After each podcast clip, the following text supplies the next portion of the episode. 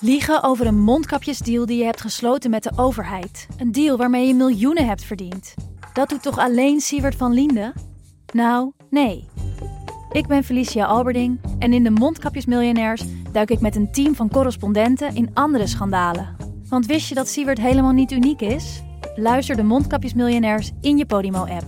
Of ga naar podimo.nl slash mondkapjes. En probeer Podimo 30 dagen. podimo.nl slash mondkapjes. In de podcast Radio Romano met Noortje Veldhuizen Met Marcel van Roosmalen. En met Roelof de Vries. brengen we alle drie elke week een zogenaamde signalering mee. Wat heb jij nou weer bij je? En aan het eind bepalen we wie de winnaar van de week is. Echt een angstcultuur Lege huls die je er bent? Ja, dat gaat eigenlijk altijd onvriendelijk. Luister nu naar Radio Romano bij Podimo. Via podimo.nl slash Radio Romano luister je 30 dagen gratis. We gaan echt iets nieuws proberen. Eh, noem het een experiment met een beknopt regeerakkoord. En daarna dus het regeerprogramma. En we zullen dus werkende weg moeten kijken hoe het gaat. Hoe je dat vorm moet geven. Iedereen wil een dunne regeerakkoord. Dat hebben wij goed genoteerd in dat gesprek vorige week met die negen fracties. Grote mate van eensgezindheid. Maar de Kamer moet zich ook de andere kant van de medaille wel even realiseren. Dat er dus op sommige punten ook iets minder in dat, eh, in dat coalitieakkoord zal staan. Dit is Betrouwbare Bronnen met Jaap Jansen.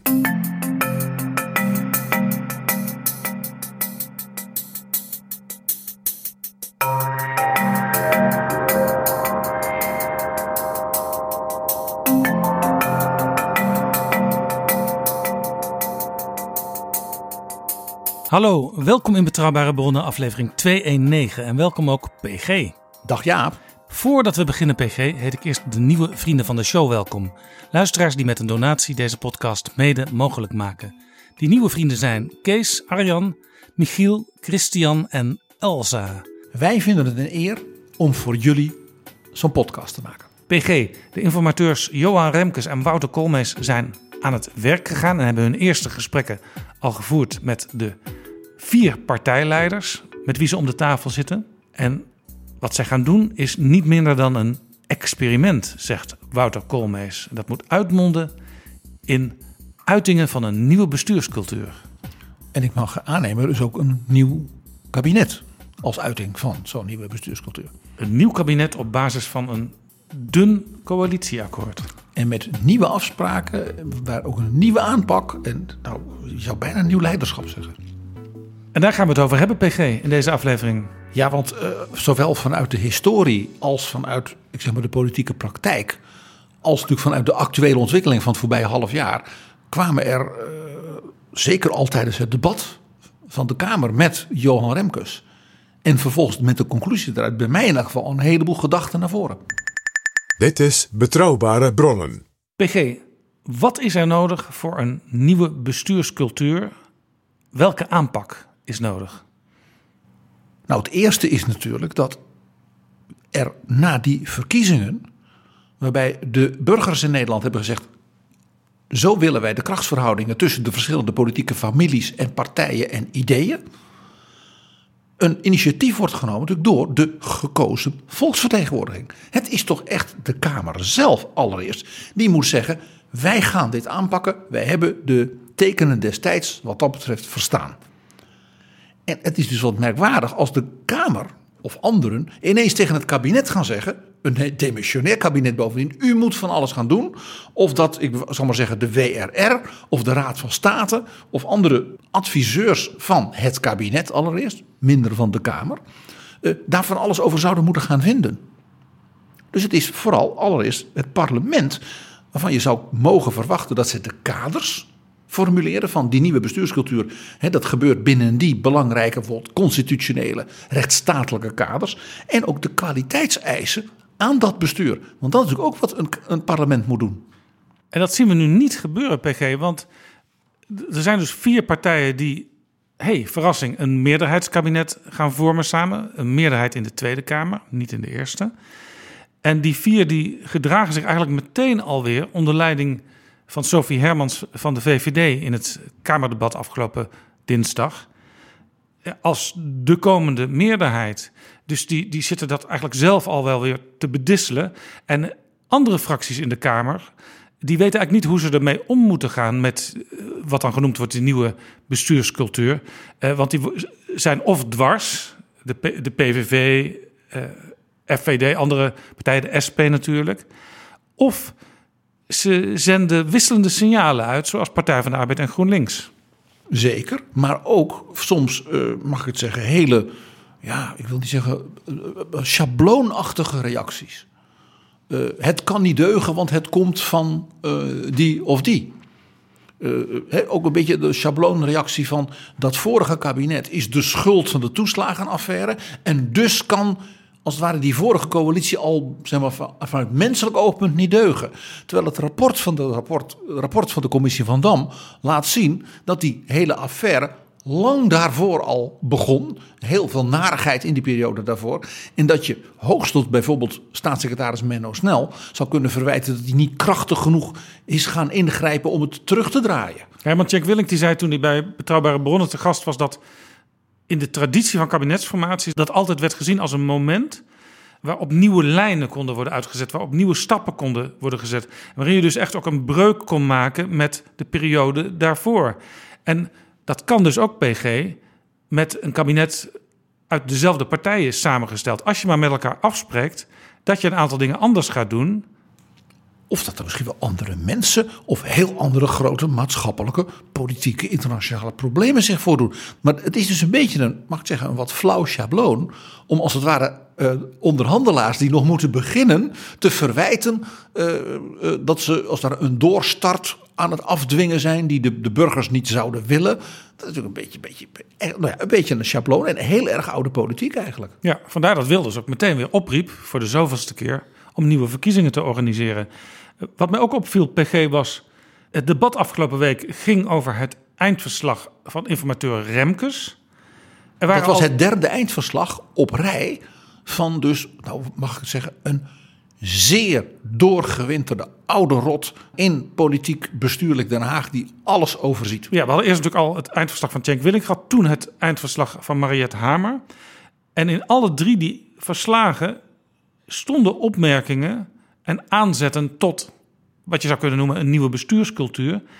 Maar de Tweede Kamer ging er eigenlijk alle drie de keren nauwelijks op in, op wat daar in dat eindrapport over stond. Uh, mevrouw Hamer zei zowel in haar rapport als in haar betoog in de Tweede Kamer, je kon een speld horen vallen, dat zij zei: als u op inhoud feitelijk op de grote vraagstukken dicht bij elkaar staat maar niet de wil kunt opbrengen om elkaar wat te gunnen en te samen te werken, dan maak ik mij zorgen om de parlementaire democratie. Het was doodstil. En vervolgens ging me er inhoudelijk verder niet op in. En iets dergelijks zei in feite Cenk Willink al. Die zei, ja, u, niet ik als informateur. Hè, ik doe mijn best. Ik probeer dat te ondersteunen. Faseren, zoals hij dat dan noemt. Maar u zult die ja, politieke moed en ook die bereidheid moeten hebben om met elkaar eruit te komen. Die drie debatten, PG, viel mij op, ook deze week weer. Daar zagen we toch weer eh, de meeste partijen in de oude groef vallen van het elkaar dwars zitten, moeilijk maken, zuur doen. Terwijl dit dus juist het moment is om nieuwe stappen te zetten. Nou, dat partijen elkaar politiek uh, uh, aanvallen. Dat je zegt, ik vind jouw opvatting niet zo'n goede. Daar ben ik nooit zo tegen. Ik hou wel van ook goed ideologisch debat. Maar wat mij, wat mij opvalt is dat de informateurs voortdurend benadrukken in opdracht van de Kamer. Dat doen ze niet zelf. Dat ze vanuit de inhoud belangrijke stappen willen zetten en ook kunnen zetten. En er vervolgens over die inhoud niet wordt gediscussieerd. En die informateurs, die waren ook nog eens te gast in de Kamer kwamen met een stuk en dat stuk werd dus ja, eigenlijk terzijde gelegd. Nou ja, men had het over allerlei andere dingen. Dat was bij mevrouw Hamer al heel opvallend. Dat was natuurlijk nu bij Remkes deze week. Ja, nog opvallender. Dat debat ging over Borrelgate, het ging over kussens en het ging over hoe zielig de slachtoffers van de toeslagenaffaire waren. Dat laatste is natuurlijk helemaal geen discussiepunt. Daar is een hele enquête over geweest die leidde tot de val van een kabinet enzovoort enzovoort. Als je dan dus meer dan een half jaar daarna weer, uh, er was een journalist die zei, een soort olympiade van de opwinding en verontwaardiging gaat zitten organiseren.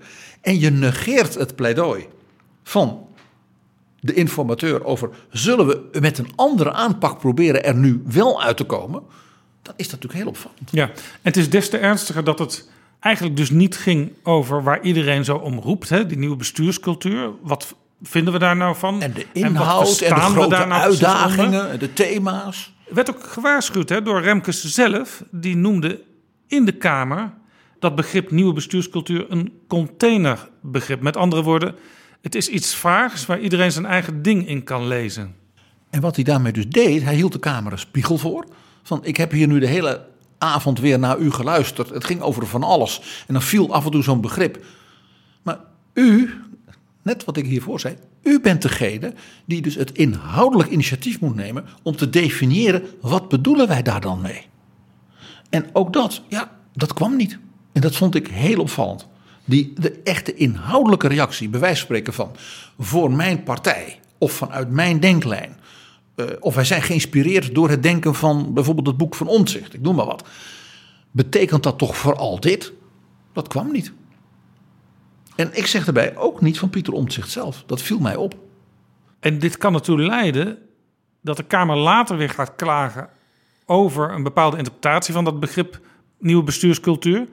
En wat ook interessant is. Nou, of dat men ministers of anderen bijvoorbeeld beschimpt of uh, beschuldigt van u, u handelt in strijd met de nieuwe bestuurscultuur. En dat zo'n minister of een staatssecretaris of een, een andere politiek adviseur of een raad van state. Dan zeggen ja, maar met permissie, waar staat dat dan wat ik had moeten doen? Ja, en op de korte termijn kan het ertoe leiden dat Remkes en Koolmees samen dat begrip steviger gaan definiëren. En dat is interessant, want ze noemen zichzelf procesbegeleider, maar dan druk je toch echt een stempel op wat er ook nog de komende jaren gaat volgen. Nee, wat je dan zou kunnen zien, is dat zij zeggen: wij hebben een opdracht van de Tweede Kamer. Dat is een vervolg op de opdracht van Herman Schenk Willink en van Mariette Hamer. Wij nemen die drie dingen bij elkaar. Dat voegen wij bij elkaar tot een soort definitie ja, die wij als informateurs neerleggen op tafel, dan is de kans dat de onderhandelende partijen zeggen: ja, dat is wel heel mooi geformuleerd. Maar dan zijn we dus, denk ik, verder van huis. Want dan heb je dus uh, zeg maar, onbezoldigde adviseurs, uh, mediators, die je als het ware het beleid fundamenteel laat formuleren. Maar dat is de bedoeling niet. Zeker ook niet, dacht ik, van de kiezers. Uh, je zag het ook, bijvoorbeeld Pieter Omtzigt, die heeft in zijn betoog geklaagd dat hij niet was uitgenodigd door de, de, de informateur. Uh, hij heeft met de SP een motie ingediend van de, de, in de in die nu komende formatiefase moet men de slachtoffers van de aardbevingsellende in Groningen en van de toeslagen horen. Ja, dat is natuurlijk niet een nieuwe bestuurscultuur. Nee. Dat is ja, goed bedoeld, en, ja, maar je zou zeggen, je zou, die mensen hebben er meer aan als terwijl die formatie gaande is. Ambtelijk de zaak nou eens gewoon helder en snel wordt afgehandeld. Ja, want dat is ook eigenlijk helemaal geen zaak uh, voor de kabinetsformatie, want dat vloeit voort uit wat al eerder met de Kamer besproken is en besloten is. En waar die enquête onder leiding van Chris van Dam ook conclusies over had geformuleerd. En zo harde dat, het, dat de betrokken bewindspersoon, de heer Wiebes, zei: Ik kan gewoon zelf niet meer blijven. Hoewel ik niet meer op dat ministerie zit. Dus ja, dan zou je zeggen dat de Kamer nou dan ook zelf, als het ware, en die, die leiden tot uh, het aftreden van het hele kabinet. Dat vergeten we wel eens. Alle conclusies zijn al getrokken en die kunnen nu gewoon ambtelijk en ook door het oude demissionair kabinet worden uitgevoerd.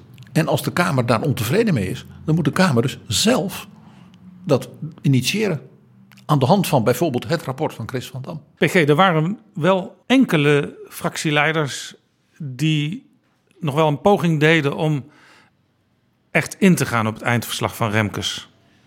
Ja, en daar kwam vanuit de Kamer in elk geval één heel nadrukkelijk en echt nieuw idee voor die fase. Dus ik breng hier een klein saluut aan uh, Volt-aanvoerder Dassen. Ja, Laurens Dassen. Want die zei: zou het niet verstandig zijn dat als je zo'n hoofdlijnenakkoord formuleert. En ik denk dat hij dus ook had gekeken naar dat stuk wat al gemaakt was onder leiding van mevrouw Hamer door Sophie Hermans en Rob Jetten. Dat hij zei dat je dat als het ware met een soort preambule, zal ik maar zeggen, voorziet. Waar hij de term waardenkader voor gebruikt. Dus waarin je als het ware inderdaad zegt: een nieuwe bestuurscultuur bevat bijvoorbeeld deze rechtsstatelijke, constitutionele en misschien ook wel, hij benadrukt ook Europese noties. Van wat is dan de, de plaats van Nederland in de ontwikkeling in de komende jaren van Europa? Voorzitter, wat ons betreft is het noodzakelijk om in een akkoord op hoofdlijnen ook een duidelijk waardekader op te nemen. Waar het te voeren beleid aan getoetst kan worden. Maak het beleid, van, beleid vanuit het mensbeeld. De overheid vertrouwt haar burgers, zodat burgers ook de overheid weer kunnen vertrouwen.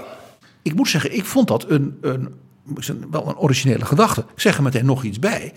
Niemand verbiedt natuurlijk de heer Dassen en Volt om dat waardenkader zelf te formuleren. Dat en dat voor te leggen aan de heren Remkes en Koolmees. Want uh, Remkes en Koolmees die hebben in hun persconferentie op woensdag gezegd... ja, wij gaan nu met deze vier partijen aan tafel zitten... maar we doen tevens een open uitnodiging aan partijen... die over de inhoud mee willen praten. En daarbij doelde Remkes, eh, verduidelijkte hij daarna met name op Partij van de Arbeid en GroenLinks. Maar als anderen willen, als ze zelf een signaal geven, dan zijn ze welkom. Dus Laurens Dassen kan gewoon een concept waardekader schrijven en dat gaan bepleiten aan tafel bij de informateurs. En hij zou dat zelfs bijvoorbeeld met een aantal andere fracties die zeggen dat vinden wij eigenlijk wel een mooie gedachte. Zelfs bij wijze van spreken ook uh, mensen van buiten de Tweede Kamer. Je zou zelfs aan de Eerste Kamer kunnen. Nou, in dat opzicht, als je nou een nieuwe politieke cultuur wil, bevrijd je dan ook van zeg maar constraints die horen bij die oude. En niet elk ding van die nieuwe cultuur zal meteen een succes zijn. Dat is ook zoiets. Maar die term experiment van Koolmees, die bevalt mij daarom wel. Je zou er zelfs bij kunnen betrekken, want jij zegt bij dat waardekader kun je ook Eerste Kamerleden betrekken. Je zou zelfs Europarlementariërs erbij kunnen betrekken. Dat moet Laurens Dags ook heel erg aanspreken. Uh, want er is natuurlijk al een soort nieuwe bestuurscultuur, één keer per jaar, als de staat van de Unie in de Tweede Kamer besproken wordt. En daar ook Europarlementariërs mogen spreken. Een hele goede gedachte. Hele goede gedachte dat zij bij wijze van een aantal elementen, er hoeven zelfs geen Nederlandse Europarlementariërs te zijn, dat je vanuit die politieke families, dat je zegt, we laten een aantal mensen die in die politieke families bijvoorbeeld tot de denkers behoren, meedenken over dat waardenkader. Ja. Johan Remkes zelf had ook nog een suggestie. Nou, dat was wel weer echt heel erg Remkes. In de zin, Remkes de man die zeg maar, politiek bestuur, constitutie in zijn geheel overziet. En dan zie je, daar werkt natuurlijk ook dat hij recent dat grote adviesrapport met die commissie heeft ja, voorbereid. Je merkt dat die er helemaal in zit. De staatscommissie over het functioneren van het parlement onder leiding van Remkes, die wij over de gast hebben gehad in Betrouwbare Bronnen. De link staat in de beschrijving van deze aflevering. En hij zei iets heel concreets. En nou voor de fijnproevers iets heel ingrijpends. Hij zei: Kijk, als nou één ding duidelijk werd, onder andere uit de toeslagen en het rapport, zowel van Chris van Dam als die commissie die, die al die grote uitvoeringsproblemen bekeek.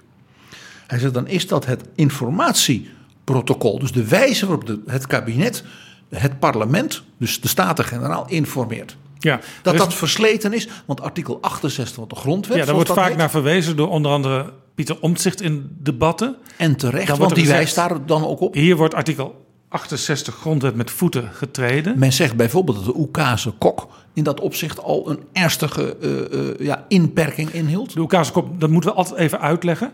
Dat is ooit een besluit wat premier Kok heeft genomen... dat Kamerleden niet rechtstreeks met ambtenaren uh, mogen spreken van ministeries... tenzij een minister daarvoor toestemming geeft. En vroeger was dat allemaal veel meer hybride. Dan kon je gewoon eens even bellen met een ambtenaar die specialist was op een bepaald terrein. Hoe zit dat nou precies? Zijn er misschien ook alternatieven voor zo'n wetsvoorstel? Kan ik daar eens over een uurtje over komen praten op het ministerie?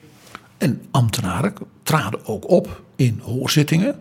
Eh, je had het fameuze jaarlijkse artikel van de secretaris-generaal van EZ. Frans Rutte. Over de ontwikkelingen van de economie. Dat was een zelfstandig, zeg maar, intellectueel product. Nou, een man als Roel in het veld, die als DG op het onderwijs bepaalt intellectueel zijn lamp niet onder de koren Altijd met inachtname van de regel dat de minister uiteindelijk verantwoordelijk is voor het beleid. En die ministers in die tijd waren dus bepaald niet oude politiek zou je dus zeggen. Die zeiden van ik vind dat binnen de grenzen uh, prima als zo iemand een inhoudelijke, verrijkende, goede bijdrage levert aan het denken over dat vraagstuk.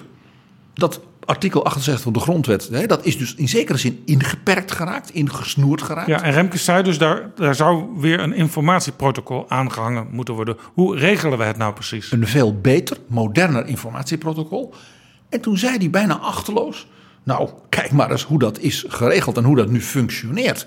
In de provinciewet en de gemeentewet, dat is aanzienlijk effectief. Waar Remkes natuurlijk heel veel persoonlijke ervaring mee heeft als commissaris van de Koningin in Noord-Holland, in Limburg en als toezichthouder vanuit de provincie op de gemeenten.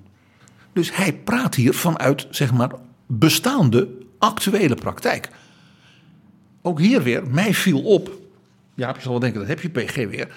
Niemand in de Tweede Kamer die daarop reageerde. wat slimme Kamerleden hadden kunnen doen, was aan het eind van het debat een motie indienen. Eh, dit geven wij de informateurs mee voor hun gesprekken. Als opdracht. Punt, punt, punt. En een van die punten is... Kamer en kabinet gaan werken aan een nieuw informatieprotocol. Ja, wij, wij dragen de informateurs op om in die gesprekken te agenderen... want dat is hun rol. Bijvoorbeeld de suggestie van uh, informateur nu... Hè, dus oud-informateur Remkes in zijn nieuwe rol samen met Koolmees.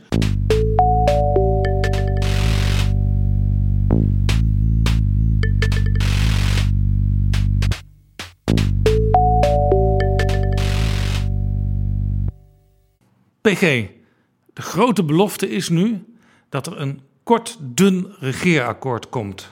Hoofdlijnen, niet dicht regelen, uh, geen detailafspraken. En het idee is ook dat binnen een beperkt aantal weken zo'n akkoord er ook al kan zijn. Nou weet iedere dichter, iedere schrijver, iedere romancier dat een kort stuk schrijven heel moeilijker is dan een heel dik boek. Dus dat is al de eerste, mag ik zeggen, wat literaire ervaring, eh, ook van mezelf. Eh, waar ik als het ware de, de onderhandelaars en ook uh, Remkes en Koolmees als het ware maar een beetje waarschuw. Ik heb er elke week last van als ik een column schrijf voor BNR Nieuwsradio. Die is al heel snel anderhalf keer te lang. En dan kost het eigenlijk net zoveel tijd om hem weer op maat te maken.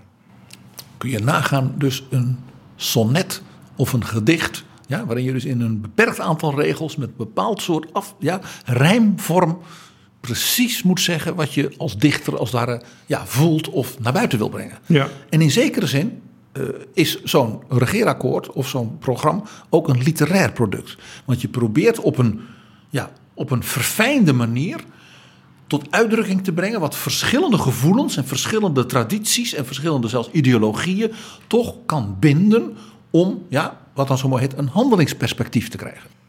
Maar we hebben natuurlijk een enorme plus. Want dat stuk, dat ligt er al. Oh ja? Ja. Mevrouw Hamer heeft in de zomer met een aantal uh, van de jongere mensen in die liberale fractie. De liberale aanzet tot een opzet. Ja. Het zomerstuk van Sophie en Rob, hè, zoals het ook wel wordt genoemd. Dat ligt er. Dat is een poging om in heldere, korte passages, als we op de grote thema's, een aantal gedachten neer te leggen van laten we hier nou aan werken. Laten we het accent wat meer verleggen op dingen als eh, de ongelijkheid van kansen in het onderwijs. En dat is weer gebaseerd op het, wat dan in Den Haag wel het wat wordt genoemd. Wat moeten we gaan doen de komende jaren? Wat Mariette Hamer al geïnventariseerd had. En daarom dat het voor Hamer ook zowel nuttig als aantrekkelijk was om als het ware als onderleggers, om het maar zo te zeggen, ook heel erg natuurlijk past ook bij die polder-traditie uh, van onderhandelen en akkoorden maken, dat je dus data, uh, schema's, uitwerkingen, dus ook het hoe van dat wat, als het in bijlagen legt, waarbij je ook zegt, daar zitten nog als het ware verdere verkenningen in dat als je dit doet, je bij de verdere vormgeving nog die en die en die vraagstukken met elkaar moet afpellen, zoals Ruud Lubbers dat zou zeggen. Dus zo'n stuk in hoofdlijnen, dun, wat de kern bevat, met daaronder gedegen, cijfermatig goed onderbouwde uitwerkingsdocumenten, die bovendien ook nog zeg maar, de support hebben van bijvoorbeeld werkgevers en werknemers. Bijvoorbeeld de deelnemers in het klimaat- en het energieakkoord. Is dus een hele gelukkige basis om mee te gaan beginnen. Ja, je kunt in zo'n kort en bondig coalitieakkoord ook gewoon heel simpel opschrijven. Uh, wij voeren de volgende rapporten uit. En een van de rapporten die je dan kunt noemen, is het rapport wat heel interessant werd gepresenteerd van de zomer toen Mariette Hamer informateur was. Oh ja, toen kon ze dat niet zelf. En toen werd het in de praktijk gepresenteerd door Ingrid Thijssen, de voorzitter van VNO-NCW, in samenspraak met Tuur Elzinga, de voorzitter van de vakbeweging. Dus dat zijn haar twee vicevoorzitters. En dat rapport heet Zekerheid voor mensen, een wendbare economie en herstel van de samenleving. En dat is eigenlijk een beetje dus het soort slotbeschouwing van dat coronacrisisteam. Ja. Onder leiding van mevrouw Hamer. En je zou... Waarover zij met betrouwbare bronnen, toen ze waren begonnen, zo'n heel indringend gesprek had. Dat zij zei: We staan echt, als we niet oppassen, aan een afgrond. En alle punten die de polder belangrijk vindt, want ja, ook in een nieuwe bestuurscultuur, PG, heb je natuurlijk toch breed draagvlak nodig in de samenleving. Nee, men wil juist niet alleen maar in een beperkte coalitie men wil juist een breder geheel waar ook andere partijen kunnen meediscussiëren. Ja, dat geldt dan toch ook voor de rest van de samenleving, zou je denken. Ja, en toen dat rapport gepresenteerd werd, toen zeiden Ingrid Thijs en Tuur Elzinga ook... als het ons nu lukt om dit allemaal op papier te zetten... waarom doen ze er dan in die stadhouderskamer van de kabinetsformatie zo lang over en hebben we nog steeds niks gezien. Ja, in zekere zin, als het Mariette Hamer al met ons lukt, dan zou het toch met die anderen ook moeten kunnen. En dus vond ik het opvallend dat in dat debat met Remkes over zijn verslag. Zowel mevrouw Hermans als mevrouw Kaag er een beetje omheen draaide, een beetje meel in de mond. Uh, mevrouw Hermans, ik citeer. Ja, er moet een korte regeerakkoord komen, al weet nog niemand wat dat dan wordt. En over die verdere uitwerking, ik weet niet hoe het eruit gaat zien. En mevrouw Kaag zei, dat stuk van uh, Rob Jette en Sophie Hermans, dat is heel belangrijk. Uh, en het regeerakkoord moet dun zijn. Ja, nou dan denk ik, ja, dat is niet een nadrukkelijke, mag ik zeggen, inhoudelijke omarming. En zeggen van, hier gaan wij met ChristenUnie en CDA echt op de inhoud over praten. Zij zullen ook voorstellen en ideeën hebben. Maar dan weet u in elk geval wat ongeveer maar ons ja. Nou ja, visies maar ja, is. Niet alleen ChristenUnie en CDA, maar ook met alle anderen die een signaal geven dat ze op onderdelen of op grotere stukken willen meepraten. En ik trek dan nog een conclusie, Jaap, en dat is een wat bittere conclusie. Dat is die wat wegwerpende opmerking van Mark Rutte op Prinsjesdag over dat stuk van notabene zijn Sophie Hermans en Rob Jetten in feite dus nog overeind staat. Ja, je hoort ook in de wandelgangen op het nieuwe binnenhof, zal ik het maar noemen, uh, dat met name in de VVD-kring men ook helemaal niet zo enthousiast was over dat verhaal. Ze zagen er toch meer typische D66-punten in terug dan echte VVD-punten. Maar dat bewijst dan toch één ding. Dus dat Rob Jette in de zomer zijn huiswerk dus erg goed gedaan heeft bij mevrouw Hamer. Zeg ik dan. En, dat, en Mark Harbers en Sophie Hermans dus in feite in eigen kring uh, een tik op de vingers hebben gehad. Want zo werkt dat hoor in de kabinetsformatie. PG, als we nou eens kijken naar coalities die een voortzetting waren van de oude coalitie. Dus dan gaan we toch even in op het argument wat je wel hoorde in de Tweede Kamer ook deze week. Van ja, het is gewoon een voortzetting. Dat is helemaal geen vernieuwing. Mevrouw Ploemen schreef zelfs: Ik ga een doorstart niet stutten. Ik, was, ik vond het een moeilijk beeld. Ik zag een stuttende doorstart. Maar je, dat gaf al aan dat zelfs ook in literair opzicht dat wel ingewikkeld was. Dan zie meteen ook die roestige auto oh, die... van Sigrid Kaag, zoals zij de ChristenUnie omschreef. Je ziet, je ziet Ploemen, Ploemen zeggen: Ik ga die auto niet voortduwen omdat de startmotor een beetje versleten is. Uh, nou, nou, wordt er bij elke kabinetsformatie wordt er eigenlijk wel gepleit door allerlei mensen die er dan uiteindelijk ook zelf bij betrokken zijn voor een dun regeerakkoord. En dat is in zekere zin geen nieuw pleidooi. Maar hoe ging dat bij eerdere coalities die dus zo'n doorstart tussen aanhalingstekens maakten? Nou, we hebben natuurlijk meerdere, ook in het verleden, belangrijke kabinetten gehad. die als het ware een succes waren, ook bij de kiezers. En door de kiezers dus nadrukkelijk werden bevestigd. En laten we er niet omheen draaien. Het kabinet Rutte 3 is door de kiezers in electorale zin met z'n vieren bevestigd. Ja, hoewel je dan een verschil moet maken met twee kabinetten waar wij het nu even over gaan hebben, PG, die anders dan nu ook wel uitstraalden. Wij willen nog wel met elkaar door. Dat geldt natuurlijk voor het kabinet Rutte 3 in de samenstelling niet. Daar is geen verbond gesloten van wij gaan samen met z'n vieren naar de kiezers. En als die ons belonen, gaan wij door. Dat was wel, kun je zeggen, bij Lubbers 2 het geval. Toen had je de beroemde slogan laat Lubbers zijn karwei afmaken. Hij, hij regeerde met de VVD. En hij ging ook door CDA met de VVD. En bij het Paarse kabinet onder leiding van Wim Kok was het ook verder met Kok. Ja, het was ook zo dat Kok zelfs mevrouw Els Borst in het debat aan de vooravond van de verkiezingen nog een soort steuntje in de rug gaf. Want D66 deed het niet zo goed in de peilingen. En Kok riep de kiezers ook nog op om aan D66 te denken als ze in het stemhokje stonden. Wat niet echt heeft geholpen.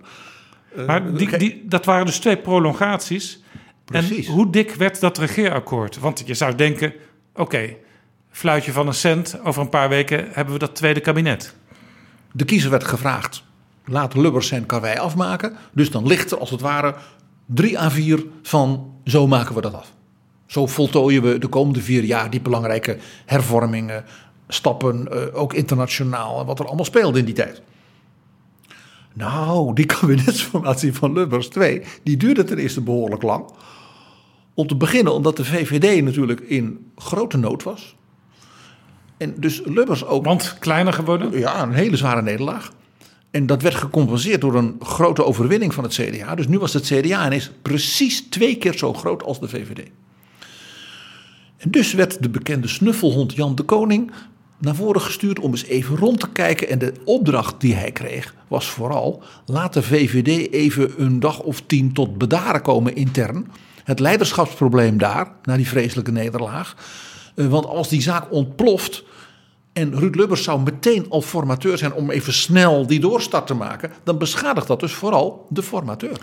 En dat lijkt wel een klein beetje op de formatie van nu, waar natuurlijk het CDA in grote problemen zat en waarin allerlei tactieken zijn doorgevoerd om het CDA ja, tot bezinning te laten komen. En het CDA had op een gegeven moment ook een congres uitgeschreven. Nou, dat zat pas heel laat in de agenda.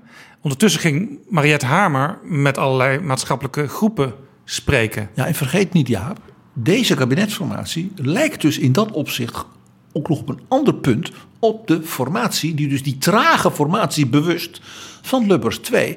Want Jan de Koning, die als snuffelhond is ging kijken wat er zou kunnen. Iedereen wist wat er zou kunnen, ja.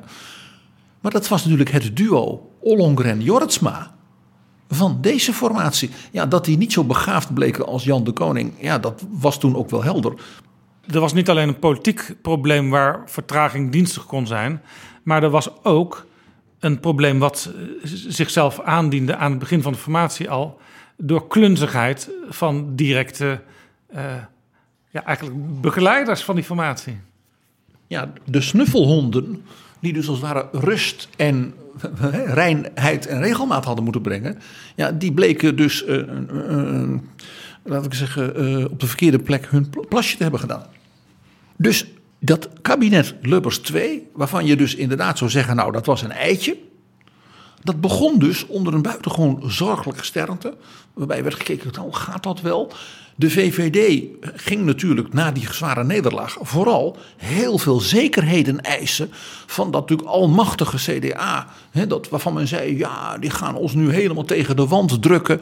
En die Lubbers is nu zo ervaren. En die CDA-ministers die doen het allemaal zo goed. En die... En wij als VVD, nou ja, we hebben ook allemaal klappen gehad. Dus het effect was dat dat dus een zeer moeizame en langdurige en dus heel uh, gedetailleerde uh, conclusie moest worden. Ja, en in zekere zin bij Paars 2 hadden ze natuurlijk, ze hadden afgesproken, wij gaan in principe als de kiezer ons dat mogelijk maakt met z'n drieën door. En die, dat was een, een, enorme meerderheid waar, als je goed keek, D66, de, de, de oerheber van Paars, getalsmatig eigenlijk helemaal niet nodig was. Maar toch gingen alle drie die partijen heel erg inzetten op wat voor hun achterban van belang was. De, de argumentatie toen om D66 erbij te houden was dus precies de omgekeerde argumentatie die men nu hanteert. Om te zeggen, ja, niet en PvdA en GroenLinks en misschien ook nog de ChristenUnie. Die zijn allemaal heel constructief. Maar dan heb je overbodige partijen erin. En dat leidt alleen maar tot gedoe. Zo zie je dat argumentatie die altijd een soort van air van wetmatigheid, zuiverheid heeft. En zo, zo, dat gaat nu eenmaal zo. En we zullen het u nog wel een keer uitleggen. Dat dat vaak grote onzin is. Nou, het, het hoeft geen onzin te zijn. Maar het is in elk geval geen politieke wetmatigheid. Zoals het vaak wordt gebracht. Nou, dat zag je dus bij Paas 2. Die, dat is een van de meest saaie en zure kabinetsformaties in onze geschiedenis geweest. En leidde tot een van de allerdikste regeerakkoorden in de geschiedenis. Terwijl je zou zeggen, men had op 1 à 4 kunnen zeggen: deze successen van Paars 1 zetten wij voort. Deze ambities van Paars 2 gaan wij nu als het ware aanvullend realiseren. En doordat het zo ontzettend goed gaat met de economie, kunnen we investeren op dat en dat en dat uh, in scholen en in ziekenhuizen voor mevrouw Borst. En we kunnen voor de VVD uh, en voor de PvdA die lastenverlichtingen voor de lagere inkomens en de middengroepen doen. Ja. Einde oefening, zou je denken. Er was nog een kabinet wat ook geprolongeerd leek te worden, maar uiteindelijk er niet kwam. Dat was het tweede kabinet Den Uil. dat is was, heel leerzaam, ja. Den Uil 1 had een kort akkoord, want we hebben dat uitgebreid al verteld in een aantal afleveringen. Dat was een extra parlementair kabinet. En uh, uh, ja, ze gingen eigenlijk met twee groepen deelnemers aan tafel zitten, waarvan twee partijen wel uh, directe steun in de Tweede Kamer hadden en drie partijen een, een lossere band hadden. Kort regeerakkoord. Ze hadden ook weer de meerderheid eh, na de verkiezingen, een ruime meerderheid. Uh, maar ja, er was allerlei gedoe tussen de leiders van de partijen, met name Den Uyl en Van Acht. En er is toen heel lang, echt maandenlang, een half jaar onderhandeld. En met hele dikke pakketten. En er lag toen een tekst. Er lag toen een tekst. Och, ja, dat was dus een nou ja, de term gestold wantrouwen. Het was bijna de Statenbijbel als je naar de omvang keek. Dat was dus een een en al gestold wantrouwen, zoals men dat dan noemt. En dat is natuurlijk de essentie, Jaap. Een kort, bondig hoofdlijnenakkoord kan om twee redenen. Eén is als de betrokken onderhandelaars en partijen elkaar de ruimte willen gunnen. En twee, als er bijvoorbeeld zoals met het kabinet Den Uyl feitelijk sprake is van één zeg maar, dominante groep met een gezamenlijke agenda, toen keerpunt 72, nu zou je kunnen zeggen het stuk van Sophie en Rob, met een soort gedogende extra parlementaire constructie van andere partijen, toen de confessionelen, grappig genoeg, nu opnieuw zou je dan zeggen, die zeggen oké, maar dan willen wij nog die en die en die dingen wel even, als het ware een soort lijst van amendementen waar wij toch echt op aan hechten. Ja, voor de helderheid, PG. Het is dus nu de bedoeling, gehoord hebbende de informateurs, dat er twee akkoorden komen. Eerst een hoofdlijnenakkoord van de coalitie, dus van de fractievoorzitters namens hun fracties. En daarna een uitwerking door bewindslieden in een regeerprogramma. Dus dat zijn de kandidaat bewindslieden die als het ware met dat coalitieakkoord in de hand, met elkaar als team, zeggen van dan gaan we dat zo, dat is dat hoe, dat gaan we dat zo uitvoeren. Vandaar dat er ook wordt gesproken over eh, wat ze altijd noemen het constituerend beraad. Dat is een normaal een vergadering van ongeveer een uur, waarin eh, ministers nog wat specifieke puntjes kunnen opbrengen. In sommige kabinetten de belangrijkste vergadering van de hele vier jaar. Bijvoorbeeld de Zalmnorm. Gerrit Zalm, minister van Financiën, heeft ooit het hele kader voor het financiële beleid daar vastgelegd. En denk even aan het papiertje dat minister, aspirant-minister Onno Ruding uitdeelde aan zijn collega's bij het aantreden van het kabinet Lubbers 1, voordat ze bij koningin Beatrix kwamen. Wat stond daarop? Daar stond op, het is zo mooi dat er staat in het regeerakkoord dat we het financieringstekort gaan terugbrengen van 12 naar 7 procent. En toen heeft hij gezegd: Ik heb hier een schema van per jaar de verlaging. Want hij dacht van, kijk, dat kabinet gaat in de Kamer en in de polder en de samenleving massief verzet krijgen tegen die bezuinigingen. Die gaat men dan afkopen, dan gaat men dat wat verzachten. En dan gaat het dus niet van 12 naar 10, naar 8, naar 7. Maar gaat het van 12 naar 11, van 11 naar 11,5, van 11 naar 9,5. En na vier jaar zitten we nog steeds rond de 10. Hij was als bankier, als financiënman extreem argwanend naar zijn eigen collega's. En zo, zoals hij zei, politici rommelen met geld. Ja, en je kunt ook als individuele nieuwkomer minister dan nog even een punt maken. Uh, zo las ik in de memoires van Frits Kortas Altes, minister van Justitie geweest een aantal keer. Die wist nog niet precies hoe dat ging toen hij voor het eerst minister werd.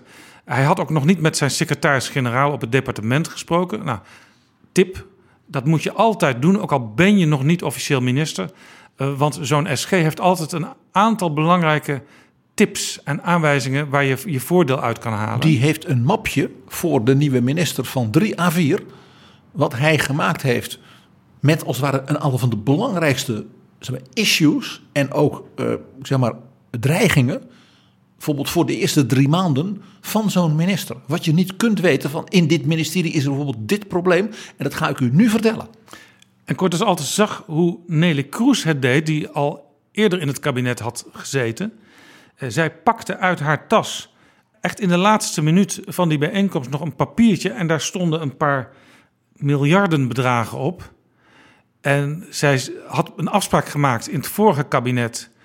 Maar dat was een beetje zo'n tussen neus en lippen afspraak. En zij vroeg aan de voorzitter van de vergadering, aan Lubbers... Voorzitter, ik ga ervan uit dat de afspraak dit en dit en dat, dat die ook in het nieuwe kabinetsbeleid overeind blijft staan.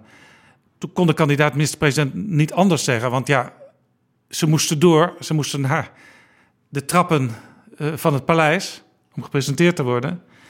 Uh, en toen had ze toch maar even weer die regeling van die paar miljard vastgelegd. Nou, ik heb, uh, Jaap, nog een heel mooi voorbeeld hoe dat soms inderdaad in een vloek en een zucht op zo'n moment gaat.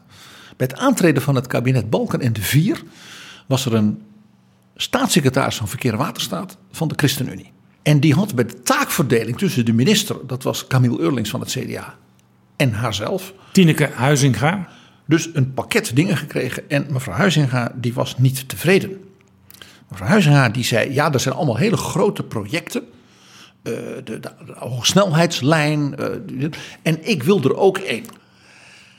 Alleen de heer Eurlings had van een bevriend adviseur de tip gekregen dat de afspraken in het overdrachtsdossier over de OV-kaart voor studenten en anderen in het verhaal van de ambtenaren van onderwijs een totaal ander verhaal was dan het, wat zijn eigen ambtenaren hem hadden verteld.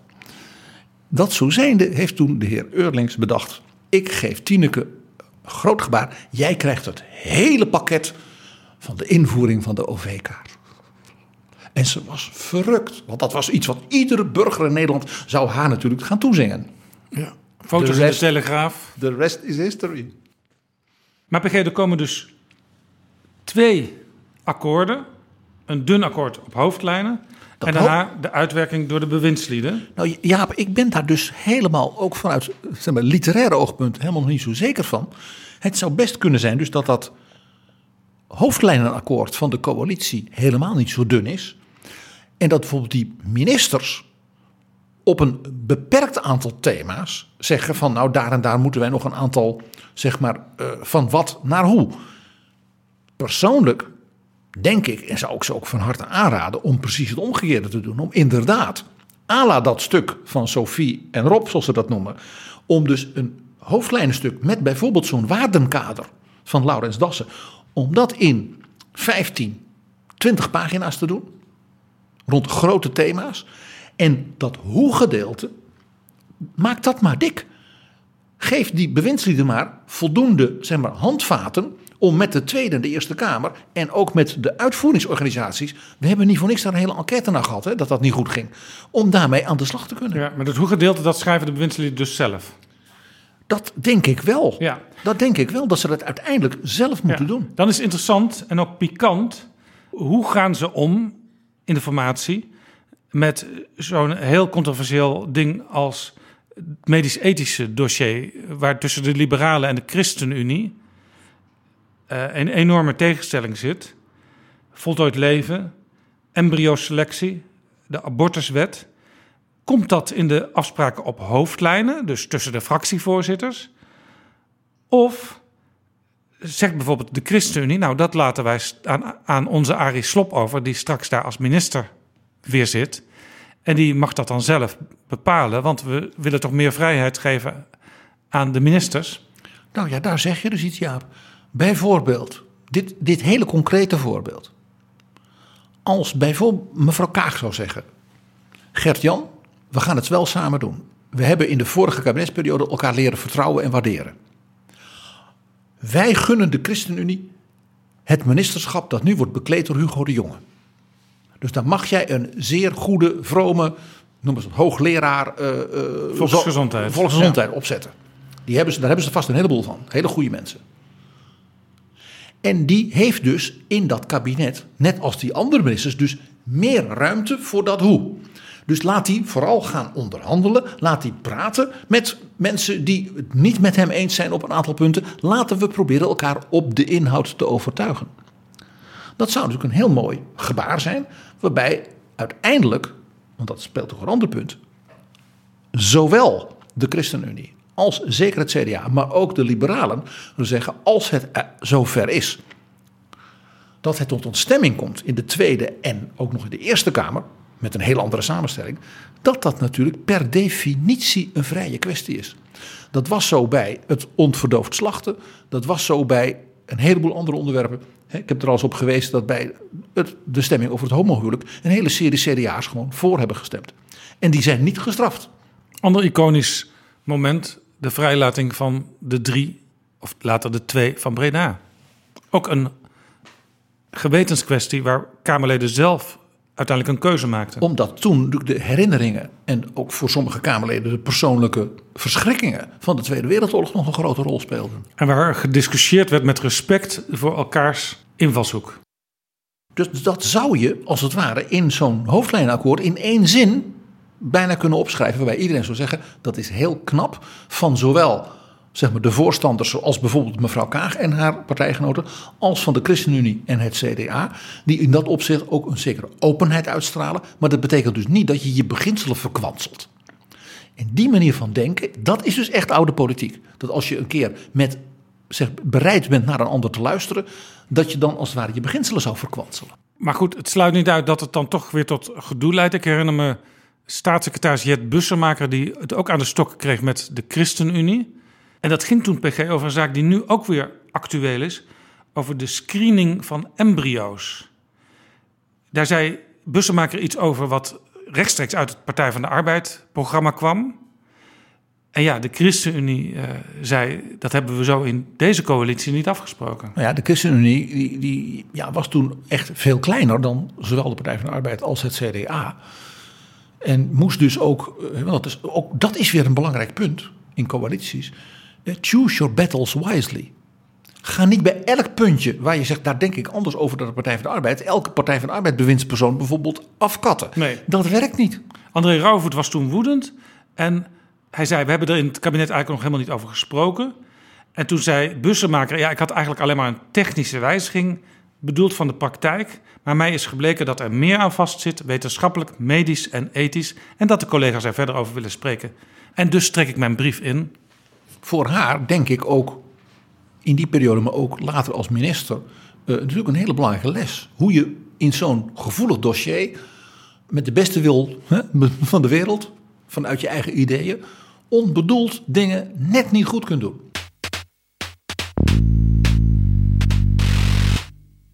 Oké, er komt dus een, althans, dat hebben ze zich voorgenomen, een dun akkoord op hoofdlijnen en daarna uitwerking door de bewindslieden. Nou ga ik jou iets voorspellen.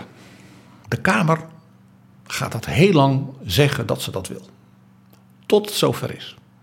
Want er was al één Kamerlid, dat is even de meest ervaren, uh, uh, doorgewinterde, ook staatsrechtgeleerde Kamerleden. Die al in dat debat met Remkes nattigheid voelden. En dat was Kees van der Staaij. Want die zei: Ik ben erg voor natuurlijk hoofdlijnen. Het moet gaan om de principes en daar zijn ze sowieso voor. Maar ik neem toch wel aan dat rond artikel 23 van de grondwet, de vrijheid van onderwijs, en die meest ethische vraagstukken wel heldere afspraken worden geformuleerd. En toen dacht ik, daar gaan we. En er was nog een Kamerlid dat heel even in een bijzinnetje een opmerking in die zin maakte. En dat was Wopke Hoekstra. Die zei: Ik ben heel erg voor grote lijnen, belangrijke thema's: klimaat, energie.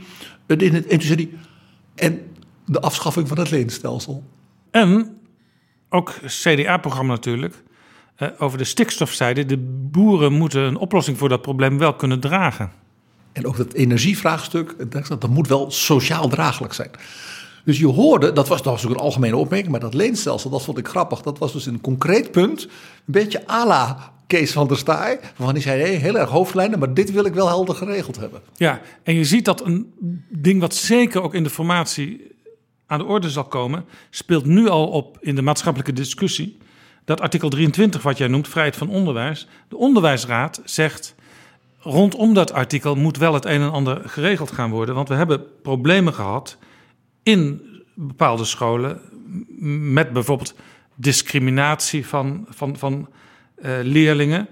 De uh, onderwijsraad zegt over het artikel zelf hoeft niet veranderd te worden. Het gaat om dingen eromheen, uitwerkingen. Partij van de Arbeid, die is eigenlijk veel radicaler hierin. Haptemoede Hoop, het nieuwe Kamerlid, heeft een wetsvoorstel ingediend... wat eigenlijk al door de vorige leider van de Partij van de Arbeid... Lodewijk Asscher in gang is gezet... om dat artikel wel in de grondwet zelf te veranderen. Dat is natuurlijk prachtig. De nieuwe Kamerlid, het eerste wat hij doet, is een grondwetswijziging als een soort initiatiefwet indienen. Je hoort mij wat, wat, wat grijnzen. Uh, maar het speelt dus maatschappelijk en het speelt politiek. Dus ze moeten er informatie, ze moeten er iets mee. Mag ik wijzen, Jaap, op de editie van Betrouwbare Bronnen, waarin wij dit onderwerp uitvoerig hebben behandeld. En waarom? Omdat de heren Segers en Dijkhoff met elkaar daar op een zeer inhoudelijke stevige manier in debat gingen. Ja, Gert en toen wij, ChristenUnie, Klaas Dijkhoff, toen fractievoorzitter VVD. En wij toen samen zijn uitgenodigd door de organisatoren om een soort historische korte schets te geven van waar komt dit vraagstuk vandaan. En als het ware in dat debat ook als betrouwbare bronnen een rol te spelen. En die editie, daar komt precies wat de onderwijsraad zegt ook aan de orde. Namelijk dat, er, dat je het grondwetsartikel zelf helemaal niet hoeft te herschrijven of wat dan niet. Als je dat wil, moet je dat doen. Maar het is voor deze kwesties helemaal niet nodig. Want dat grondwetsartikel biedt al heel veel ruimte. Het is ook hier weer het hoe. Dus dit is meer iets wat als het ware in het regeerprogramma moet worden geschreven. Want dat de minister van Onderwijs zegt: ik zal dat artikel ja, koesteren en toepassen. Ja, en dan kun je vervolgens uh, ideeën, uh, plannen maken voor de considerans van dat grondwetsartikel van hoe moeten we dat interpreteren? Nou, en hoe verhoudt zich dat tot bestaande wetten en andere grondwetsartikelen? En dat ga je dus, daarvoor ga je als minister in debat met de Tweede en zeker ook de Eerste Kamer als het gaat om de grondwet. En daar vraag je misschien zelfs wel een advies van bijvoorbeeld en de Raad van State en de Onderwijsraad. Dat, hoort bij dat hoe. onderwijsraad ligt er eigenlijk al, dus die hoeven niet veel meer te doen. Dus dat hoe, dat is, dat is dus hier nu nadrukkelijk in dit pakket van die twee akkoorden die nu komen aan de orde. Dus het is misschien wel een denkfout van sommigen, inclusief dus Kees van der Staaij, om te denken er moet in dat wat-akkoord ineens van alles helder worden vastgelegd. Wat je dus zou gaan krijgen, ja, dat is heel ondeugend. Je gaat misschien wel een formatie krijgen zoals we die al een keer eerder hebben gehad die van 2010. Want toen was er een regeerakkoord van CDA en VVD. En een aanvullend gedoogakkoord van die twee met de PVV, die dus geen lid was van de coalitie. Ja, toen had je dus in feite ook twee akkoorden naast elkaar. Ja. Aanvullend op elkaar. Ja, en dat zou bij een aantal grote maatschappelijke thema's misschien nu wel weer kunnen. Ja, want toen was ook heel interessant dat de PVV niet meetekende voor het buitenlandse en het Europese beleid. En daar werden heel veel deals gesloten in de Tweede Kamer met partijen eh, niet VVD en CDA zijnde, bijvoorbeeld Partij van de Arbeid, D66, GroenLinks. Zo is dat. De hele eurocrisis toen is in feite gemanaged door de nieuwe premier Mark Rutte en met zijn minister van Financiën Jan Kees de Jager door een hele brede middencoalitie in Tweede en Eerste Kamerlijk van VVD, CDA, Partij van de Arbeid, GroenLinks, D66 en op een aantal punten ook de reformatorische partijen. Dat is men nog wel eens vergeten. En daarom vond ik de opmerking van Jesse Klaver zo interessant tegen de heer Remkes. Die zei: Nou, ik begrijp dat u een soort financieel kader, als het ware in grote lijnen, voor dat regeerakkoord al min of meer in ontwerp hebt. Ja, ik zou als GroenLinks best willen meepraten over wat staat er in dat kader, nog zonder dat ik als het ware deelneem in het tekenen van dat regeerakkoord.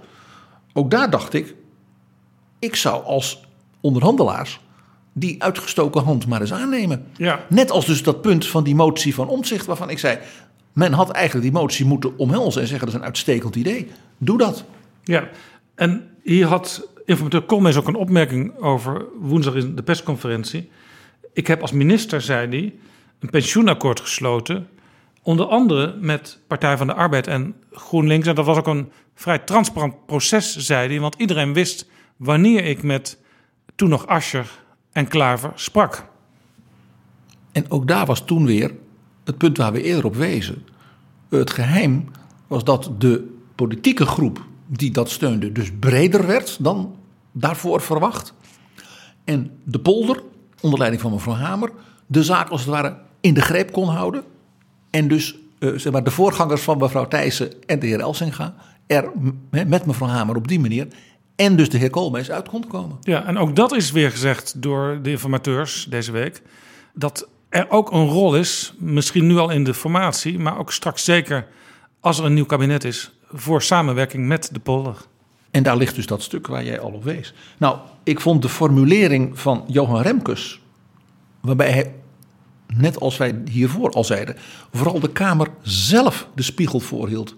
Hij zegt, als u dat wilt, en er komt dus zo'n wat en hoe pakket, dan moet u als Kamer niet gaan jeremiëren. Prachtige term die hij gebruikte.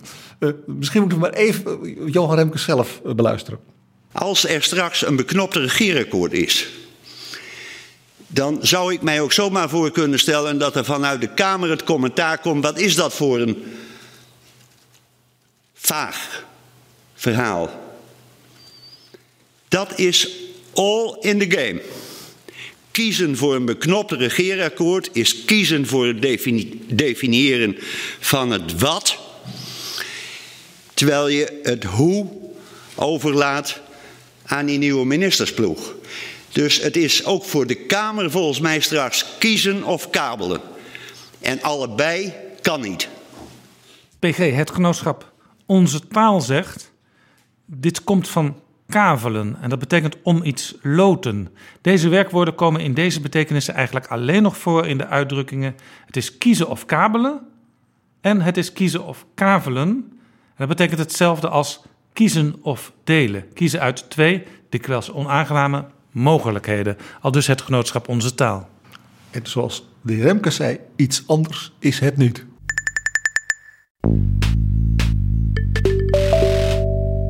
Dit is Betrouwbare Bronnen, een podcast met betrouwbare bronnen. Vergeet dus de bedoeling dat er over een aantal weken een coalitieakkoord ligt. En dat er vervolgens uh, ja, de bewindslieden aan de slag gaan. En dan op een gegeven moment zich ook melden bij de Tweede Kamer. Ja, dus dat is dat, dat constituerend beraad, waar we het eerder even over hadden, dat het meestal een uur duurt. Voordat men dan in een keurig pak, of in zijn, op zijn paasbest, bij de koning, ja, en dan op de grondwet uh, zweert, om maar zo te zeggen. En dat zou nu wel twee weken kunnen gaan duren. En dat is het echte experiment. Zoals Koolmees dat zo mooi noemde. Want hoe gaat die nieuwe fase eruit zien? Dat kan niet twee weken lang in diezelfde kamer zitten, wachtend op de koning. Dus er zal iets moeten gaan gebeuren. Nou, daar zijn verschillende opties van hoe zou je dat nou organiseren voor denkbaar. En het eerste, dat zal jou misschien verrassen Jaap, is het kabinet Den Uil. We hebben al eerder vastgesteld dat Mark Rutte niet voor niks gefascineerd is door het kabinet Den Uil. Dat kabinet Den Uil had namelijk twee formateurs. En dat is iets wat wij een beetje kwijt zijn. Dat ja, dat kan. Burger, die we ons allemaal herinneren met die inbraak en het binnenhalen van ministers. Waar de eigen partij misschien niet meteen bij stond te juichen dat die werden binnengehaald. En op een gegeven moment werkte hij samen met Marinus Ruppert, uh, ook als informateur. En die was vicevoorzitter van de Raad van State. Dus zeg maar de Tom de Graaf van toen. En die kwam uit de protestante hoek van het latere CDA. Dus die twee, uh, nou, zwaargewichten, absoluut. Uh, die hebben dus met z'n tweeën die kandidaat-ministers van dat kabinet Uyl, dus die van het keerpunt, het linkse blok, en dus die individuen uit de katholieke en de antirevolutionaire hoek, die zeiden: oké, wij willen er dan wel bij, zonder parlementaire binding. Van Acht, uh, Van der Stee enzovoort. En daar zat dus ook bij minister Den Uyl. Van Algemene Zaken. Niet als formateur, maar als beoogd premier. Ja, want dat is ook het idee. Hè? Meestal is een formateur ook de beoogd premier en die zoekt de bewindslieden aan. Maar je kunt dat dus ook uitbesteden aan informateurs. Aan formateurs die als het ware een soort uh, ja, verkenners- en mediatorsrol vormen. En als het ware een soort coördinerende rol hebben naar die nieuwe ploeg toe. En dat zou misschien voor deze fase, die nu dus nieuw als experiment begint, dat een hele gelukkige gedachte kunnen zijn. Er is nog een tweede interessant voorbeeld uit de geschiedenis. En dat is het kabinet van 8-2. Wat we onlangs besproken hebben in Betrouwbare Bronnen, de deformatie. Het kabinet van 8 Den Uyl, Terlouw.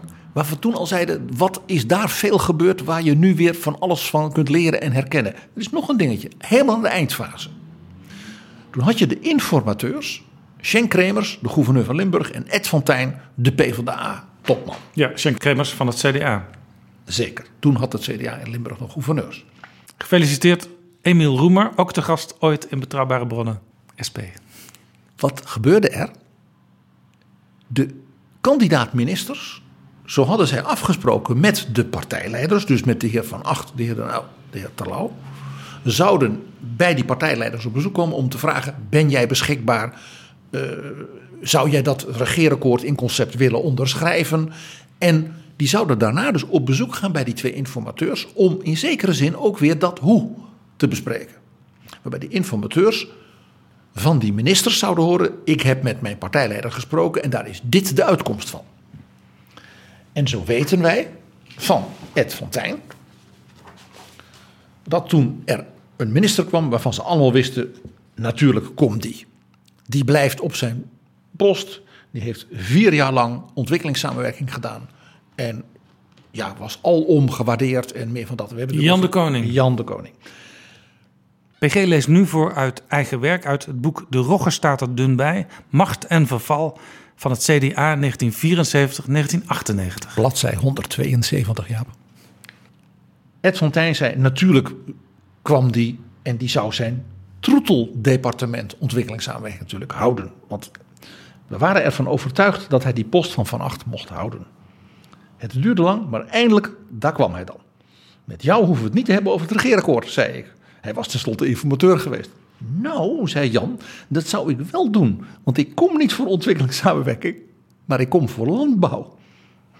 Dat was een formidabele verrassing. Ik vond, dus ik, Ed Fontijn, vond dat Dries hem dat niet kon aandoen. Maar Jan gaf geen krimp en zei onbewogen: Ik ben een dienaar van de kroon. Echt een mannenbroeder, zoals je ze kent uit de overlevering. En vervolgens zei hij met die bekende glimlach van hem dat hij enige kanttekeningen wilde maken, toch wel, met de landbouwparagraaf van het regeerakkoord. Want dat was zijn regeerakkoord, maar dat vond hij niet het sterkste gedeelte. En dit is typisch een puntje wat je ook nog in het constituerend beraad zou kunnen opbrengen. Hè? Ik wil nog een kleine komma veranderen aan die tekst die ik hier voor me heb liggen. Dus ook dit is weer een werkwijze die dus voor dat experiment nuttig kan zijn. Dat je dus de partijleiders met de beoogd ministers laat praten. En ze vervolgens zonder die partijleiders één voor één met dus die informateurs. Toen Schenk Kremers en Fontijn, een beetje daarvoor dus Burger en Ruppert. Inhoudelijk laat praten over dat van dat wat naar dat hoe. PG, waar het mij ook aan doet denken, een aantal van deze nieuwe, tussen aanhalingstekens, ideeën aan Europa.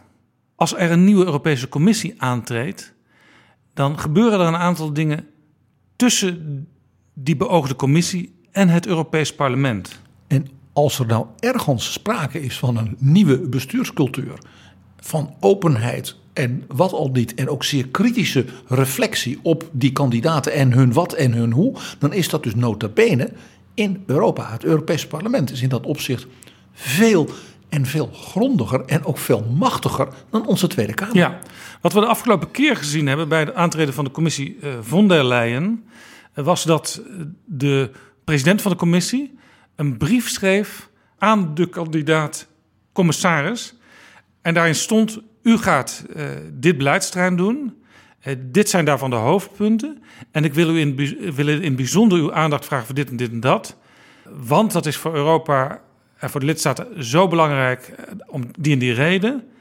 En ik wens u veel geluk en wijsheid toe in de komende vijf jaar. En die brief, die werd dan vervolgens ook besproken door het Europees Parlement in gesprek met die kandidaat-commissaris. En die kandidaat-commissaris die werd dan ook aan alle kanten getoetst of hij of zij wel up to the job was. En het interessante is, dit is een vondst van iemand waarvan iedereen zal zeggen dat is de ultieme oude politiek, namelijk Jean-Claude Juncker. Die heeft deze staatsrechtelijk, mag ik zeggen, bijna van innovatie doorgevoerd. Want die zei: Ik wil die commissie niet allemaal als hè, toen nog 28 losse mensen. Ik wil thematische groepen maken rond grote vraagstukken die burgers herkennen: klimaat, werkloosheid, industrie, internationaal en dergelijke. Ook vanuit en daar vicevoorzitters ja. van de commissie, die als het ware voor dat thema en dus voor meerdere commissaren als een soort coördinator en daarmee ook meteen als een soort kernkabinet werkend. En daarmee werd dus in die brieven, waar dus Juncker als eerste mee begon, gezegd van eigenlijk, je zou bijna zeggen dat waardenkader van Dassen. Dan kwam u gaat dit doen, dat is heel belangrijk. Het Europees Parlement heeft overigens een belangrijk nieuw advies klaar liggen. Daar moet u met het parlement uitzien te komen. En ik verzoek u met die vicevoorzitter samen, met uw collega's op die drie andere terreinen, dat grote klimaatvraagstuk. Dat grote uh, uh, verbetering van de armoede in Oost-Europese landen. Het opbouwen van. Uh, ja. Denk wat die Joe Santos rond het beroepsonderwijs doet. En in dit proces gebeurden twee dingen. Zowel de positie van de commissie als de positie van het Europees Parlement werden hierdoor versterkt. Op de inhoud, Want zou mevrouw Hamer zeggen. De commissie maakte zichzelf een, een politieker orgaan. Een politieke commissie werd het. En, de, het, en het Europees Parlement, door als het ware hoorzittingen te, te houden met al die kandidaat-commissarissen. Eh, waar soms zelfs een commissaris nog een keer terug moest komen omdat het eerste gesprek niet goed gegaan was. Dat is een tweede belangrijk punt.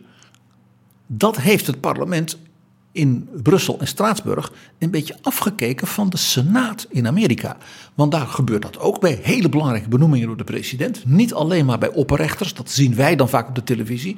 Maar dat gebeurt bij, bij heel veel belangrijke benoemingen. En ook daar komt het voor dat bijvoorbeeld een onafhankelijke commissie van de Senaat het cv van zo iemand bekijkt. Ook bijvoorbeeld zijn financiële en zakelijke belangen. Laten we dat ook even noteren. Wat in Nederland dus niet gebeurt. Nee. In Europa wel, in Amerika ook. En dat leidde er bij Nelly Kroes toe. Die werd voor de tweede keer commissaris. Dus iedereen dacht dat ze heel makkelijk, dat is een, een, een eitje voor haar. En dat ging niet helemaal goed. Toen moest ze nog een keer terugkomen. En men vond dat ze nogal, uh, uh, zeg maar, wat uh, erg algemene opvattingen had over dus haar digitale portefeuille. Zo dus iets van, nou, ze heeft een lesje uit haar hoofd geleerd. Dus de tweede keer heeft men haar gegrild. Dat vond ze achteraf heel fijn, heeft ze me ook een keer verteld. Want dat betekende, ik kon al die Europarlementariërs daarna aanspreken. Jij hebt mij toen zo op de grill gelegd. Nou ga ik mijn stinkende best doen, want die boodschap van jou heb ik goed begrepen. Dat ik veel harder eraan moet trekken, maar dan ga je me wel helpen. Dus dat effect, ook dat is dus weer voor die ministers in deze nieuwe situatie, ik zeg maar met dat Europese model, in zekere zin heel aantrekkelijk. Want als jij dan met de Kamer een stevig debat hebt gehad over bijvoorbeeld kansengelijkheid in het onderwijs. Dan kun je dus die Kamer ook vervolgens, net als Remkes nu deed, de spiegel voorhouden. U heeft mij hiermee op pad gestuurd van dat wat en vooral van dat hoe, dan wil ik ook op de Kamer kunnen rekenen dat we er ook samen nu iets van gaan maken. Ja, wat ook het gevolg kan zijn van die hoorzittingen is dat als een kandidaat eurocommissaris door de mand valt of als er echt politiek een enorme kloof blijkt te zijn tussen de gedachten van die persoon en het Europees Parlement, of dat die brief van Juncker of nu van von der Leyen, dat zo iemand daarvan zegt, ja, dat ga ik doen. Maar als dan blijkt dat zo iemand eigenlijk geen idee heeft, als je even doorvraagt op een paar ja, thema's. Dan kan het denkt, parlement, ja, is, hoewel het parlement officieel niet de bevoegdheid heeft om individuele commissarissen uh, te weigeren of naar huis te sturen, een signaal geven aan de beoogd president van de commissie: wij willen niet met deze man of vrouw gaan samenwerken in de komende vijf jaar. Zet daar maar een andere kandidaat neer, dan gaan we wel met die praten. Let op, dan moet dus de, de president van de commissie moet dan dus bellen. Letterlijk is dit gebeurd met Macron. Dat was dus niet iemand van Malta, het was de Franse eurocommissaris die door het parlement niet werd geslikt. En Macron moest toen, en die was woedend, iemand anders naar voren schuiven. En let op, het was Macron die Ursula von der Leyen president had gemaakt. En het eerste wat ze deed, was dus de Franse president de voet dwars zetten met behulp van het Europees Parlement. Dus als de Nederlandse Tweede Kamer op die manier zeg maar, met die nieuwe bewindslieden zou omgaan, dan betekent dat dus dat die bewindslieden ook zeg maar, credibility bij het parlement krijgen. Als ze zeggen: U doet dit echt, wij zijn onder de indruk van hoe u dat wil doen. Dan kunt u ook op, een beetje op het parlement rekenen. Maar het tweede is dat zo'n bewindspersoon ook moet laten zien dat hij of zij aan de maat is. En ik kan mij bewindslieden van het huidige kabinet voorstellen, waarvan ik bijna zeker weet dat die bij zoiets meteen door de mand gevallen waren. PG, we hadden het eerder in deze aflevering al over de motie omzicht, die dus niet werd aangenomen, maar waarvan de beoogde coalitiepartijen wel zeiden: wij vinden de gedachte van deze motie eh, heel belangrijk. Dat, dat ging over uitvoeringstoetsen.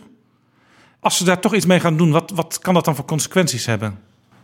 Nou ja, ik zei al dat ik het een heel sterk idee vond om dat wel te doen. En in dat constituerend beraad. Dus bij elk plan, bij elk wetsvoorstel moet een uitvoeringstoets komen? De gedachte is dat rond de grote thema's waar die ministers nu een hoe moeten gaan doen, zij al in dat constituerend beraad met elkaar bekijken wat zouden de consequenties zijn voor de uitvoering. En bijvoorbeeld voor dingen als koopkracht, voor eh, de positie van gemeenten en eh, provincies, eh, het bedrijfsleven en dergelijke. Zodat die ministers dat als het ware ook bij hun regeerprogramma als het ware kunnen toevoegen. Wij hebben bij deze, bij het afschaffen van het leenstelsel en het opnieuw invoeren van de basisbeurs, Duo zegt dat kan met deze twee tussenstappen in twee jaar. Of in drie jaar, of het moet daarmee beginnen. Als voorbeeld. Dan weet ook de Eerste Kamer, als zo'n minister daarmee komt, dat het dus niet wetgevingsrommel is. Begrijp maar toch even, het klinkt heel mooi, maar dit kun je toch niet allemaal in twee weken uitvogelen? Nee, dat, je hoeft dat ook niet en detail te doen. Maar je kunt bijvoorbeeld wel zeggen, voordat wij dit in werking gaan zetten, gaan wij dan bijvoorbeeld die uitvoeringstoets laten plegen Ah, door die organisatie. Het is meer planmatig van dit gaan we doen. Of dat er bij sommige dingen liggen er zulke toetsen al. Dat je zegt van nou, wij gaan dat doen met inachtneming van Ja. bijvoorbeeld... In elk geval je er voortdurend van bewust zijn. Wij letten ook op de uitvoering en we rapporteren erover aan de Tweede Kamer. En zodat dat ook niet te laat in het proces achteraf als probleem ineens wordt gezien. Zie wat er gebeurde bij de toeslagen. Ja. Waarbij men, weet je de Bulgare fraude vervolgens ging toepassen op de rest. Ja. Nou, dat geeft de ministers wel, zeg ik er meteen bij, aanzienlijk meer armslag tegenover de Tweede Kamer. Want de ministers kunnen dan zeggen: ja, beste Tweede Kamer, ik kom nu met dit plan. We hebben al van het vroegste stadium gekeken naar de uitvoeringskanten daarvan. U wilt dat dat allemaal minder moet. Eh, De burger moet. Hè, Denk aan de nieuwe bestuurscultuur. En nu komt u weer met allemaal details. Met allemaal dingetjes en uitzonderingen. En, zo. en met een soort maakbaarheidsgeloof van we geven dan geld en dan komt het allemaal goed bij de gemeenten. Zo gaat dat niet, beste Kamer. En zo'n minister kan zowel de Tweede Kamer daarmee confronteren. als in de Eerste Kamer zeggen. U weet dat ik al in de Tweede Kamer heb gewaarschuwd. Dit en dit en dit. Zodat de Eerste Kamer tegen zo'n minister kan zeggen. Heel goed, Ja. daar letten wij Ja. extra op. Dus de positie van de minister die hiermee om kan gaan, zal ik maar zeggen, met die motie omzicht, wordt dus versterkt. Ja, met andere woorden, eh, dit had die beoogde coalitie gewoon moeten omarmen.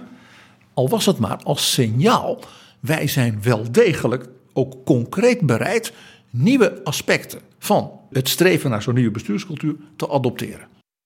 Wat ook interessant is, PG, als er lossere verhoudingen ontstaan tussen kabinet en Tweede Kamer, dan ontstaat er ook weer een ander soort verhouding met de Eerste Kamer, waar bovendien een andere eh, politieke samenstelling is.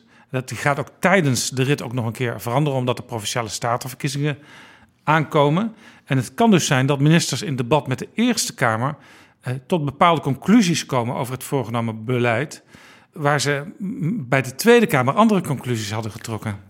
Of waar die minister, zoals ik net zei, in de Eerste Kamer kan zeggen: ja, de Tweede Kamer heeft bij meerderheid een amendement of een wijziging die wet uh, doorgevoerd. Ik heb de Tweede Kamer al gezegd. Dat heeft wel enige consequenties voor bijvoorbeeld de uitvoerbaarheid en ja, de, de detailzucht en dergelijke. Waarbij de Eerste Kamer dan zegt: Heer minister, dat hebben wij goed gelezen in de handelingen. Wij vinden dit als Eerste Kamer dan ook helemaal niet goed. En het interessante is, PG, Johan Remkes had met zijn staatscommissie hier een idee voor. Hoe gaan we met dit soort tegenstellingen tussen Tweede en Eerste Kamer om? Dan wordt er vaak gepraat over het terugzendrecht. Ja, en dat vult Remkes als volgt in, want je kunt er allerlei varianten praten, maar het voert te verder gaan we nu niet doen. Remkes zegt, eh, de Eerste Kamer moet de bevoegdheid krijgen een wetsvoorstel dat al is aangenomen door de Tweede Kamer aan te passen, te amenderen en dan terug te sturen naar de Tweede Kamer. En als de Eerste Kamer dat doet, dan is uiteindelijk de Tweede Kamer de beslisser. Die bepaalt dan of dat zo geaccepteerd wordt. En dan is het een wet. Zonder dat dit opnieuw naar de Eerste Kamer moet. Precies, en dat is dus een verandering. Met die motie omzicht in de hand, hè? betekent dat dus dat een minister die in de Tweede Kamer een aantal wijzigingen heeft geaccepteerd, waarvan hij zegt dat heeft toch behoorlijke. En ik zie aan de, onze vrienden in de Senaat dat ze dat ook zien. Dit is toch niet heel verstandig. Dat die minister als het ware dan de Eerste Kamer als bondgenoot kan hebben. Ja, versterkt dus naar de Tweede Kamer terug. Zeggen, is dat nou echt wat u wilt, Tweede Kamer? Ja. En dan staat de Tweede Kamer, precies zoals we aan het begin zeiden, dat Remke zei, u moet als Tweede Kamer zelf definiëren wat dan die nieuwe bestuurscultuur is. U moet dus zelf definiëren, willen wij dit dan? Willen wij deze uitvoeringsproblemen dan? Ja, de Eerste Kamer kan dus altijd nog ervoor kiezen om een wet af te wijzen. Dat kan altijd. Maar ze kunnen amenderen met daarbij wel de acceptatie dat uiteindelijk definitieve oordeel bij de Tweede Kamer ligt. Ja, maar het interessante dus in deze situatie van, ik zal maar zeggen, het rapport Remkes met de motie omzicht in één hand, dat de ministers dan als het ware de woordvoerder van de meerderheid van de Eerste Kamer zijn tegen de Tweede Kamer. Ja, als je de details hierover wil weten, lees dan vanaf pagina 301 in het rapport Remkes.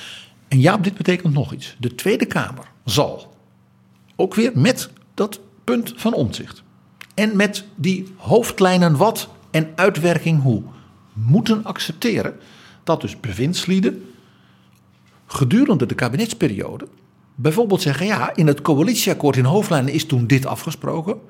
Dat ideaal, dat, dat zal ik zeker volgen. Maar vanuit het hoe, vanuit bijvoorbeeld de motie omzicht en mijn discussie met de Eerste Kamer, kom ik toch echt tot een andere aanpak. En misschien wel een andere tussenstap. Of ik ga dit voorlopig niet doen voordat dat andere probleem is opgelost. De Tweede Kamer zal dus van bewindslieden meer misschien moeten accepteren in deze, wat jij noemt, lossere verhoudingen, dat een bewindspersoon ook een keer gewoon zijn nederlaag neemt. Ja. En zegt van, het lijkt mij achteraf niet wijs dat we bijvoorbeeld nu hier doordrukken. Of hier krijgen we zoveel gedoe in de uitvoering dat we jagen die, het UWV of de COA of DUO over de kop. En dat moeten we ook niet willen. Dan zal dus de Tweede Kamer zo'n bewindspersoon niet, als het ware beledigd naar huis moeten sturen.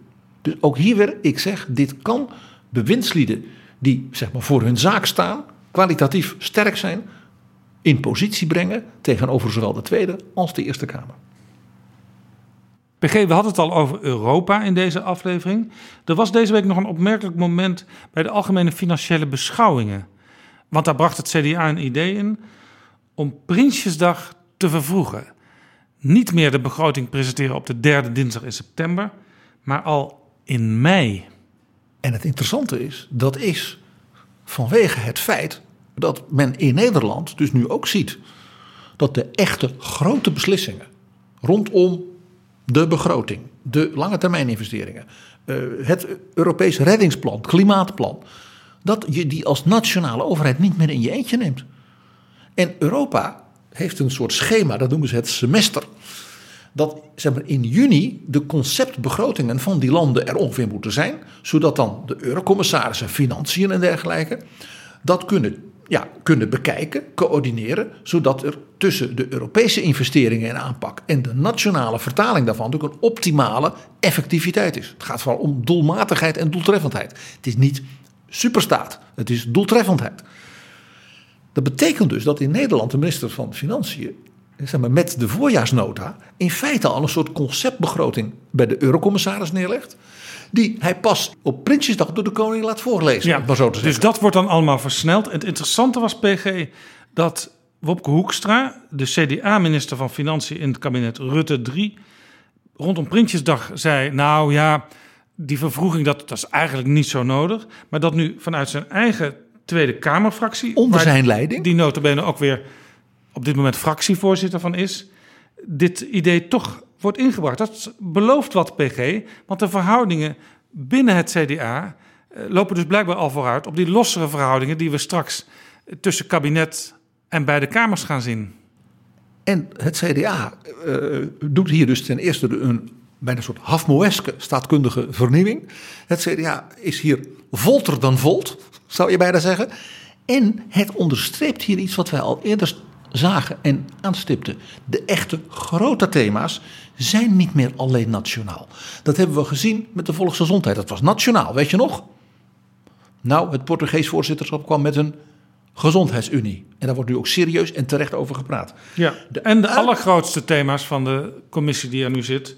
zijn natuurlijk klimaatbeleid en digitalisering. En dat zijn ook weer hoofdpunten straks in het hoofdlijnenakkoord... en in de uitwerking ervan. Je ziet dus dat de details en mag zeggen de uitvoering van beleid, dat die nog vaak erg nationaal zijn, maar dat dus die grote thema's in toenemende mate Europees zijn, waarin je dus als land je positie moet bepalen. En in dat opzicht kom ik nog even terug op dat punt. Laurens Dassen had dus met dat waardekader, waarbinnen dus ook hoort je positionering in Europa, een goed punt te pakken. Dankjewel, PG.